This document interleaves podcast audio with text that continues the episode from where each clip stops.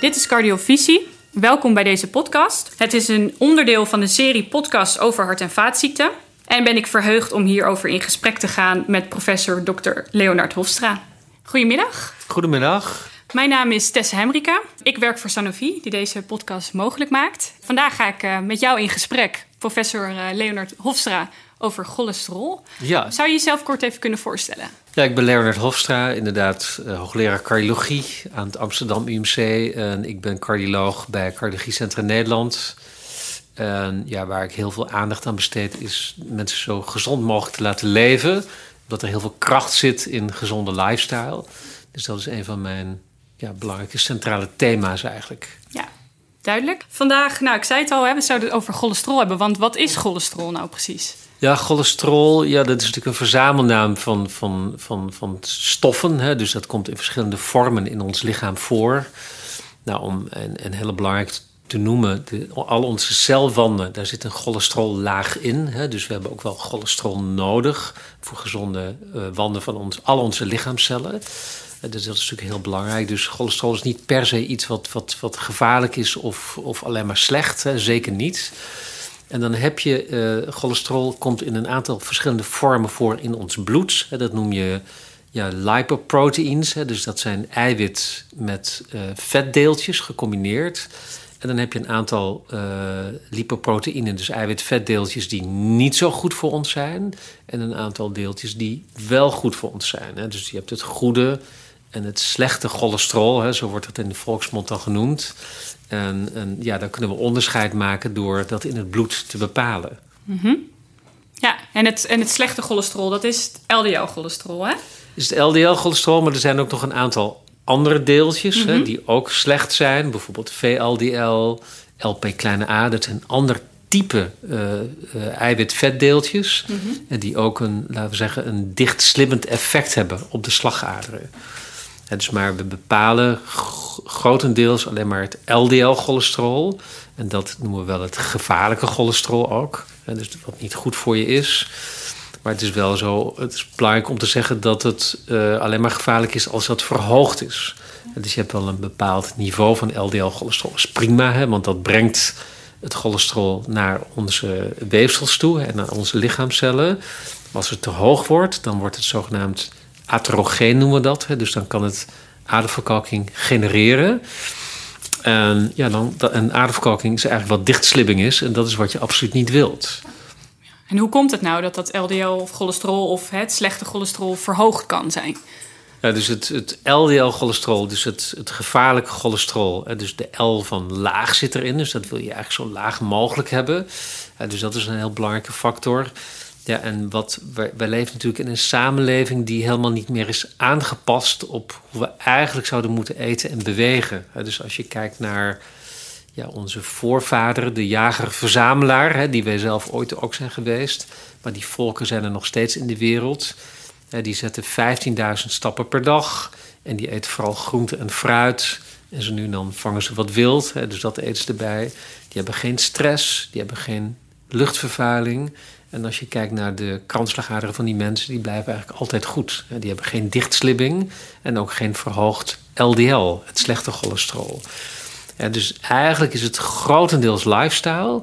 En zijn, daarna zijn er nog een aantal genetische defecten die er ook voor zorgen dat LDL verhoogd kan zijn. En dus als je een genetisch defect hebt in een LDL-receptor, dus dat is een receptor die op de levercel zit en LDL-deeltjes vangt, de slechte deeltjes vangt. Als die receptor dat niet goed doet, ja, is de consequentie dat het LDL in het bloed wat hoger wordt. En dan kan het gevaarlijk zijn. Dus dat noem je familiaire hypercholesterolemie. Eigenlijk zuiver genetisch probleem. Maar heel vaak is het misschien toch ook wel onderliggend familiair uh, ja, belasting. Maar ongezonde lifestyle is eigenlijk ja, misschien wel, wel, wel 90% van het probleem. Ja, ja, want de familiaire vorm, dus de genetische vorm, hoe vaak komt dat nou voor in Nederland? Ja, die zuiver genetische vorm komt ongeveer bij 1 op de 300 mensen voor. Okay. Dus dat is nog best wel vaak. Het is ook belangrijk om te weten wie dat hebben en wie niet. Daar zijn ook programma's voor in Nederland om dat op te sporen. Dat is natuurlijk super belangrijk, want zo kun je mensen opsporen die at risk zijn en een hoog risico hebben door een sterk verhoogd LDL-cholesterol. En die wil je natuurlijk zo vroeg mogelijk identificeren en ja, adequaat behandelen. Ja, want die hebben dus ook eigenlijk hun hele leven al vanaf geboorte te hoog LDL-cholesterol. Ja, Dus ja, ja. ja. En als we kijken naar de niet-familiaire vorm, ehm, ja, hoeveel mensen hebben dan eigenlijk een te hoog LDL? En vanaf welke leeftijd begint dit eigenlijk een beetje een rol te spelen? Ja, we weten dat het met de leeftijd oploopt, hè, de LDL-getallen. Ehm, ja, kijk, als je bijvoorbeeld kijkt naar, naar alle diabetesmensen bijvoorbeeld, alle diabetespatiënten.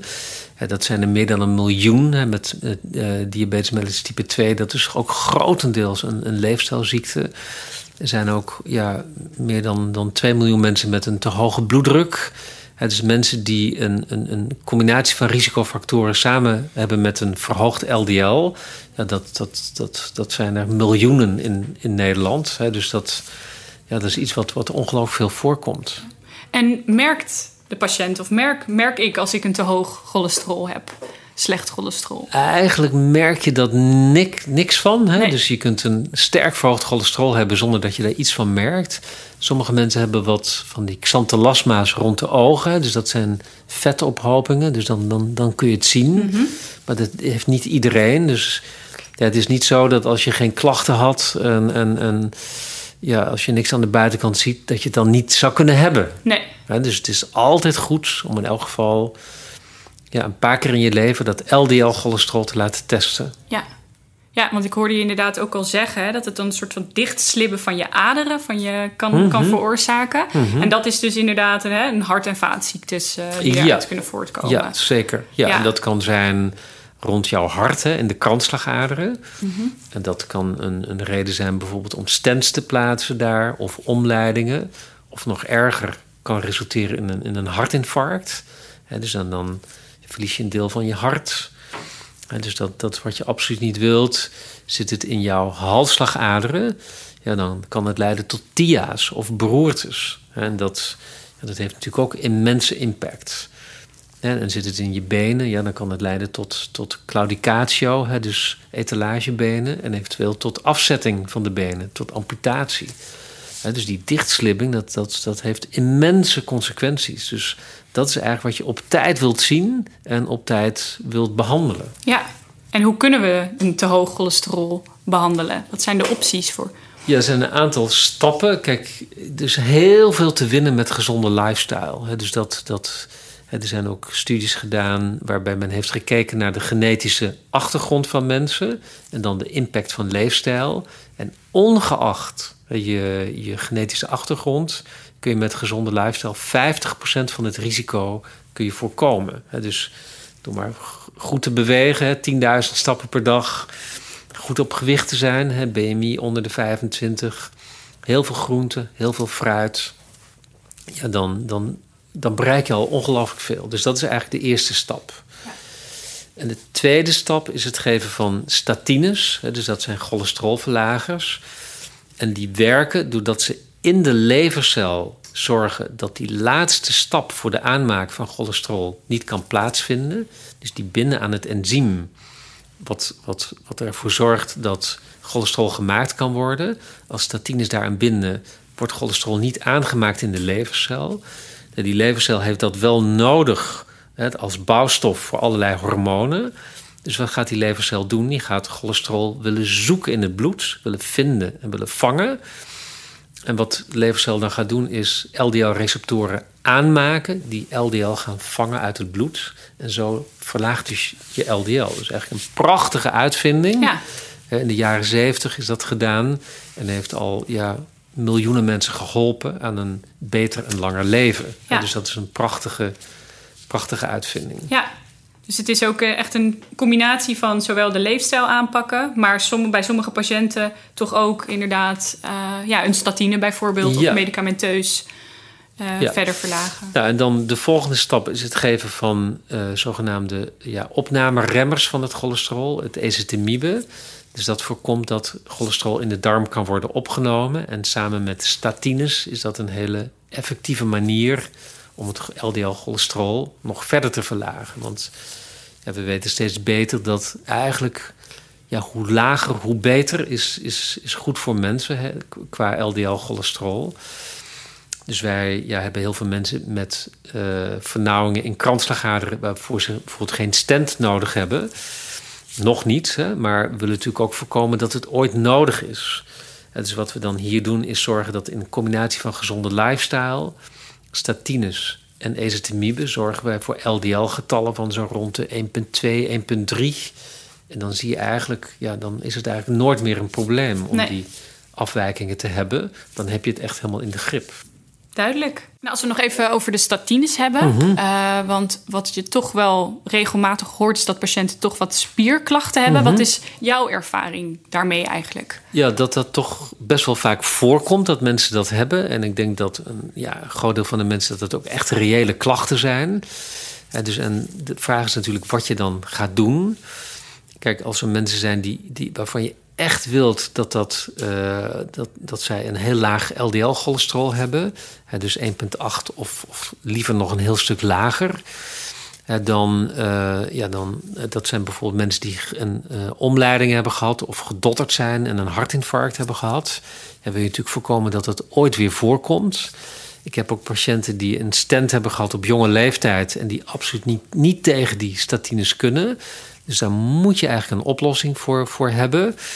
Nou, wat je als eerste stap, hebben we net eigenlijk al besproken, is statine combineren, hele lage dosis statine combineren met die opnameremmer, de ezetimibe. Als je dan niet uitkomt, is er nu ook een nieuwe, nieuwe klasse geneesmiddelen. En die nieuwe klasse geneesmiddelen, dat zijn eigenlijk injecties. Die je één keer per twee weken krijgt. En die ervoor zorgen dat de LDL-receptor, als je een LDL-deeltje gevangen heeft en naar binnen klapt in die levercel, dat die LDL-receptor niet wordt afgebroken. Daar zorgt die injectie voor, maar weer aan de oppervlakte verschijnt om een nieuw deeltje te vangen, nieuw LDL-deeltje te vangen. Dus in plaats van na elke keer te worden afgebroken, de LDL-receptor, wordt die steeds gerecycled naar de oppervlakte. En zo krijg je dus een levercel met heel veel LDL-receptoren en dat zorgt ervoor dat jouw LDL in het bloed heel erg laag is. Dus dat is ook een prachtige uitvinding eigenlijk, die gedaan is op basis van ja, groepen mensen die genetische afwijkingen hadden uh, in het P6K9-gen. En zo is men er dus achtergekomen hoe belangrijk dat was, die P6K9-functie. En zo heeft men dus heel, in hele korte tijd een prachtige oplossing gevonden in die ja, injecteerbare geneesmiddelen. Ja. En dat, ja, als mensen dat krijgen, bevalt dat meestal ongelooflijk goed. Oké, ja. Dus weer een ander werkingsmechanisme, maar ook weer. Hè? Ja, ander werkingsmechanisme, maar wel met hetzelfde effect. Precies. Hè? Dus dat, dat LDL heel belangrijk daalt in, in, in de bloedspiegels. Ja, dus dat is voor patiënten die misschien niet uitkomen met de statine en estimie en nog een te hoog cholesterol hebben en risicofactoren. Of bij de patiënten die bijvoorbeeld ja, toch niet tegen statine kan. Ja, daar is dat een ongelooflijk goede oplossing. En vooral ook die groep waar we het net ook al eventjes over hadden... die familiaire hypercholesterolemie hebben... Ja, dan kom je natuurlijk van heel hoog hè, met je LDL-getallen. Moet je het heel ver laten zakken. Ja, en dat is ook een groep die heel veel baat kan hebben bij die nieuwe remmers, die PCSK9-remmers. Ja, dan zou ik graag willen afsluiten met nog, um, ja, toch nog dat stukje leefstijl. Want heb jij nou mhm. nog een praktische tip, tips voor patiënten om ja, om hun leefstijl aan te pakken. Ja. ja, je kunt er hele boeken over schrijven, heb ik ook gedaan, hè, maar dat is misschien voor nu niet, niet adequaat. Maar als je het heel simpel, heel simpel zou willen doen, dan eigenlijk is vier stuks fruit per dag. Hè, dus twee appels, twee sinaasappels. Dan moet je dan geen juice van maken, maar echt vier hele stukken fruit. 400 gram groente per dag en 10.000 stappen. Dus 4, 4, 10. Dat is eigenlijk de, de magic bullet. Mhm. Als iedereen dat zou doen, dan zou hart- en vaatziekten in Nederland veel minder zijn. En ook veel minder diabetes enzovoorts. Dus ja, drie simpele dingen. Vier stuks fruit, 400 gram groente en 10.000 stappen elke dag. Ja, en dan wel wegblijven van de suikerhoudende drankjes en dat soort dingen? Of... Ja, maar dat gaat eigenlijk haast vanzelf. Want als je zoveel groente en fruit eet, dan, ja, dan heb je een verzadigd, gevoel. Ja. Dus dan verdring je eigenlijk de trek naar de slechte producten. Ja. Natuurlijk, hè, dat, dat, dat, dat, dat volgt natuurlijk dat je geen geen uh, suikerhoudende dranken moet nemen en Ja. geen, geen, geen koekjes en dat soort dingen. Maar dat gaat eigenlijk haast als vanzelf. Dat blijkt ook uit studies. Als je ongelimiteerd groente en fruit aan mensen geeft, dat ze er eindeloos van mogen eten, nemen ze veel minder calorieën, krijgen ze binnen. En gaan de getallen in het bloed eh, worden ook, ook veel beter. Ja. Plus dat groente en fruit ook zorgen voor een beter immuunsysteem. En een betere functie van, ja, van brein, denkt men nu ook. Hè. Dus maag-darmstelsel maakt 80% aan van de serotonine, waardoor jij je goed voelt. En, ehm, ja, als, maar dan moet je natuurlijk wel je maag-darmsysteem de juiste producten geven om die serotonine aan te maken. Gezond houden. Ja. Gezond houden. Ja. En de groente en fruit zijn eigenlijk ja, gratis antidepressiva haast. Hè. Dus, maar kijk, voor je, voor, je, voor je hart- en vaatziekten is het goed. Voor de lijn is het goed. Je voelt je beter. Je hebt een beter immuunsysteem. Dus dat is een winnende strategie. Ja. En eh, red jij de 10.000 stappen per dag? Niet per se, maar ik sport wel vier keer per week. Oké. En, eh, ja, dus ik ben, ik ben mega fit eigenlijk. Ja, ja. dus ja, dat, dat zit wel goed. Oké, super. Hartstikke bedankt. Heel graag gedaan.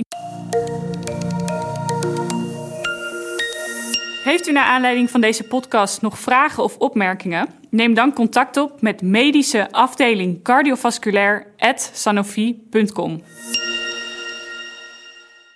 De meningen die worden gedeeld in deze podcast zijn de standpunten van de spreker en zijn geen representatie van de standpunten van Sanofi. Eventuele adviezen die worden gedeeld zijn gebaseerd op de kennis en ervaringen van de spreker. Voor luisterende patiënten geldt: voor medisch advies kunt u terecht bij uw eigen behandelaar. Aan deze podcast werkte mee professor Dr. L. Hofstra, cardioloog, werkzaam bij het Cardiologiecentrum Utrecht. Disclosures, no disclosures.